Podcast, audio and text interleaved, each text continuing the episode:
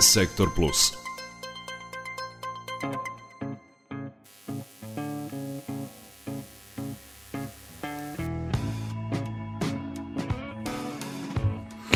Današnja sagovornica rubrike Sektor Plus je Jelisaveta Lazarević, docentkinja na FEFA fakultetu, ekonomska novinarka i producentkinja Bloomberg Adria televizije, vodeće biznis i ekonomske medijske platforme u regionu. Od strane Ministarstva Evrope i spoljnih poslova Francuske, Jelisaveta Lazarević imenovana je za jednu od sedam budućih lidera Evrope i na programu u Parizu jedina je predstavljala Srbiju i AFA organizaciju u kojoj je članica borda i preko koje doprinosi ekonomskom osnaživanju žena kroz inovacije i tehnologije. O iskustvima iz Pariza, ženama u njenoj profesiji, osnaživanju, razgovara sa Tamarom Srijemac.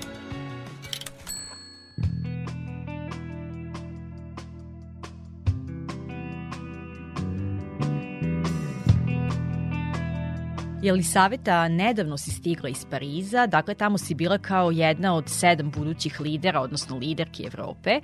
Tema je bila konkretan rad na osnaživanju žena i šta je poseta sve podrazumevala? Poseta je podrazumevala niz zvaničnih poseta, ne samo sa predstavnicima države, e, već i sa predstavnicima NGO sektora, sa predstavnicima kompanija. Znači, pored mene tamo su bile zapravo i predstavnice drugih e, zemalja. Ono što je zaključak jeste da zaista nivo razvijenosti zemlje zemlje jeste povezan sa izazovima sa kojima se žene e, suočavaju. Naprimer, u Tadžikistanu, Azerbejdžanu, Uzbekistanu, e, nasilje u porodici, selektivni abortus e, jesu veliki izazovi sa kojima se, ja bih rekla, i celo društvo, a i posebno žene suočavaju. Sa druge strane, u zemljama u našem regionu nekako se vidi taj pozitivan uticaj, odnosno pozitivno nasledđe socijalizma na razvoj uloge žene u društvu, međutim čak smo i u odnosu na taj period mi degradirali kada pričamo o nekim oblastima, naročito kada pričamo na primjer o uključivanju žena u STEM oblasti, odnosno u nauku, tehnologiju, inženjerstvo i matematiku. A koji bi bili neki konkretni potezi kako bismo dobili više žena koje će kreirati javne politike, ekonomska kretanja, kretanje budućnosti? Dakle, šta su još glavni zaključci? Glavni zaključci su da je zaista ključno menjati stereotipe i to na način, to se postiže kroz pre svega obrazovanje društva. Zatim, važno je promovisati demokratsko društvo i demokratske principe jer su oni dobri za sve članove u jednom društvu, pa tako i za žene.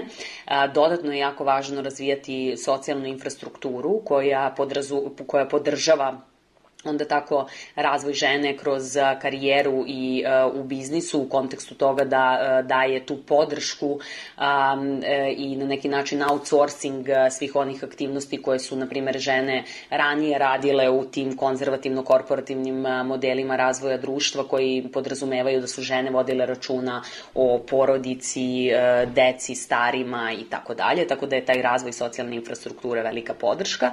I na kraju ono što je ključno jeste edukacija edukacija samih muškaraca o feminizmu, jer mi samo zajedno praktično možemo da poboljšamo ulogu žene u društvu.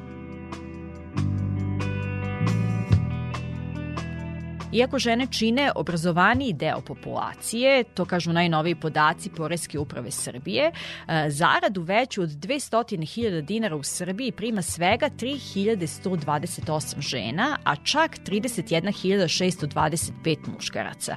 Dakle, rodni platni jaz je prisutan, takođe muškaraca ima više na mestima odlučivanja. Šta se desi na putu od fakulteta gde ima više žena do tih pozicija odlučivanja? Na koje prepreke nailazi žena zbog kojih odu odustaje ili jednostavno ne dobija priliku? Jedan od osnovnih razloga zapravo leži u nedostatku networkinga, odnosno nedostatku mreže kontakata. Nekako ako se vratimo još u samo detinstvo, tu već imate neke um, razloge zbog kojih žene kasnije uh, možda imaju uh, manje razvijen network, ali ja ne bi tu razloge toliko tražila u tom ranom odrastanju, ali vi tada imate, na primjer, situaciju da se devojčice više igraju, na primjer, samostalno sa lutkama, dečaci uh, su onako u grupama, igraju zajedno futbal, košarku i tako dalje, pa nekako od samog starta razvijaju taj network. Um, dalje, kada nekako odrastemo i eto kao što ste vi spomenuli u pitanju, imamo završen fakultet, problem nastaje kod kuće. Zašto? Zato što žene i dalje obavljaju tri puta više neplaćenog posla nego muškarci. Um, to znači da one praktično imaju mnogo manje vremena upravo za taj networking. A networking je jedan od osnovnih načina za napredak u poslu i karijeri.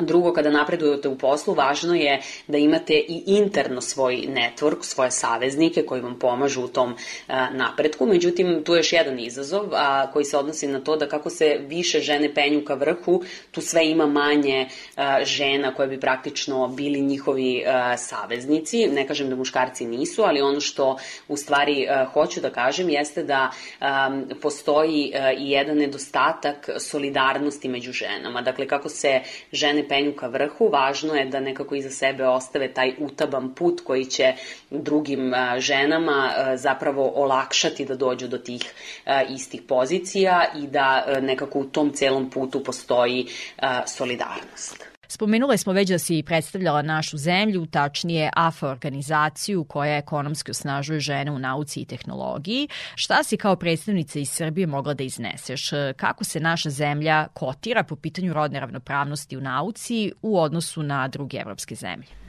Kada je u pitanju broj žena uh, i generalno učešće žena u nauci, tehnologiji, u tehnologiji, inženjerstvu i matematici, upravo zbog uh, onog nasleđa koje sam uh, pomenula na početku, mi se tu ne kotiramo nešto drastično drugačije od ostalih, odnosno od globalnog i evropskog proseka. Međutim, problem je što ni svetski ni evropski prosek nije dobar. Dakle, podaci pokazuju da oko, postoje oko 30 studentkinja STEM tema. Od svih te, tek poslova žene obavljaju oko dvadesetak a, tih poslova. E sad, zašto je to problematično? Ne zato što a, e, sad mi samo treba da imamo podjednak broj žena u STEM-u, to je problematično zbog toga što su to poslovi budućnosti. Dakle, svi mi danas a, živimo u svetu koji se jako brzo razvija, živimo u svetu koji a, se jako transformiše na bazi novih i najnaprednijih tehnologija.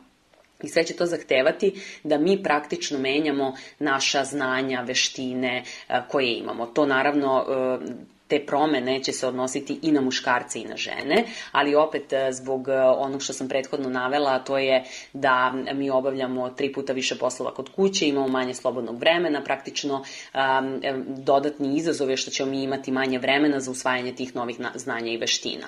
Zato je važno da od najranijeg razvoja devojčice i devojke usvajaju uh, te STEM veštine i STEM znanja kako bi praktično u budućnosti mogle da rade uh, te najplaćenije najplaćenije e, poslove i najproduktivnije poslove e, rad na najplaćenijim i najproduktivnijim poslovima je dobar, e, zato što vam omogućava da praktično budete deo budućnosti i da aktivno učestvujete u kreiranju te budućnosti. Ono što sad jeste situacija, jeste da budućnost tu tehnološku i digitalnu u kojoj ćemo svi da živimo praktično uh, kreiraju uglavnom muškarci i onda tu zaista postoji izazov da ta budućnost neće biti skrojena po potrebama svih nas. A da li je dovoljno da imamo ženu na čelu države, organizacije, kompanije ili nam je neophodno da imamo rodno senzitivne žene, odnosno feminiskinje, ali i muškarce feministe kako bismo konačno popravili položaj žena u društvu? Pitanje rodne ravnopravnosti po mom mišljenju nije uh, samo isključivo žensko pitanje, to je pitanje uh,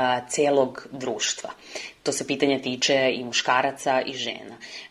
To e, se zapravo vidi i u, najspeš, i u primerima najuspešnijih kompanija i država. Vama su najrazvijenije zemlje one u kojima su žene i muškarci podjednako e, uključeni u sve važne aspekte e, društvenog, ekonomskog i svakog drugog razvoja. To nije ništa čudno, to je zapravo vrlo logično i to možete da vidite kroz primere kompanija gde kada imate podjednak broj muškaraca i žena koji su uključeni naročito kada pričamo o nekom odlučenju odlučivanju. Te kompanije su obično profitabilnije, kreativnije i to je normalno zato što prosto mi svi imamo drugačije perspektive i onda na taj način a, možemo da doprinesemo kvalitetnije svi zajedno u rešavanju određenih izazova. U tom smislu muškarci su naši saveznici i muškarci zajedno sa nama treba da rade na svim ovim temama. Oni su takođe i rol modeli za dečake koji onda isto tako mogu da a, budu a, u budućnosti i džentlmeni i a, feministi, tako da je u tom smislu važno da imamo i muškarci i žene koji su posvećeni tom razvoju feministi feminističkog društva. Ovde bih dodala i pitanje jednakosti kada pričamo o godinama, naročito kada pričamo o kreiranju budućnosti. Tu je jako važno da izrelije generacije zajedno sa nama učestvuju u kreiranju svega onoga što će biti naša budućnost. Zašto? Zato što isključivanjem tih zrelijih generacija mi praktično ostajemo uskraćeni za jedno vrlo ozbiljno i relevantno iskustvo koje svakako treba da bude deo svih rešenja koje predlažemo, a koji treba da unaprede i naše društvo i našu ekonomiju. Da li se ti osjećaš udobno kao žena, naučnica, ekonomiskinja, mlada liderka, novinarka? Da, osjećam se udobno i to pre svega zato što sam nekako od početka svoje karijere bila deo vrlo svesnih i razvijenih kolektiva. Kroz dosadašnju karijeru najviše mi je značio rad sa mojim mentorima, to su bili i muškarci i žene i oni su mi zaista dali punu podršku i puno prilika koje su mi značile upravo za taj karijerni napredak, ali i za razvoj mene kao ličnosti. Dodatno mislim da je jako važna podrška porodice. Ja imam tu punu podršku, uh, jer isto tako, kao što sam pomenula, da je važan onaj network u firmi, taj network koji razvijamo, koji razvijamo eksterno, uh, važno je da postoji taj network u samoj porodici koji praktično predstavlja uh, podršku svakom pojedincu da napreduje u onome što on želi. Dodatno, ja sam kroz odrastanje imala i jake ženske rol modele, jake uzore, moju mamu, tetku, učiteljicu, super nastavnice, ali pošto je industrija u Kruševcu gde sam rođena, već polako tad zamrla, kad sam ja bila jako mala, ja sam rođena u doba hiperinflacije, nekako nisam imala priliku da, na primer, imam ženski uzor neke žene koja je inženjerka, pa mi tako nije ni palo na pamet dok sam bila mlađa da, na primer, želim možda da se bavim baš tim zanimanjem. E, imala sam afinitete prema ekonomiji zbog majke, glumi zbog tetke koja je radila u pozorištu i u kom sam praktično porasla i e, prema obrazovanju zbog super nastavnica i e, svoje učiteljice koju sam imala.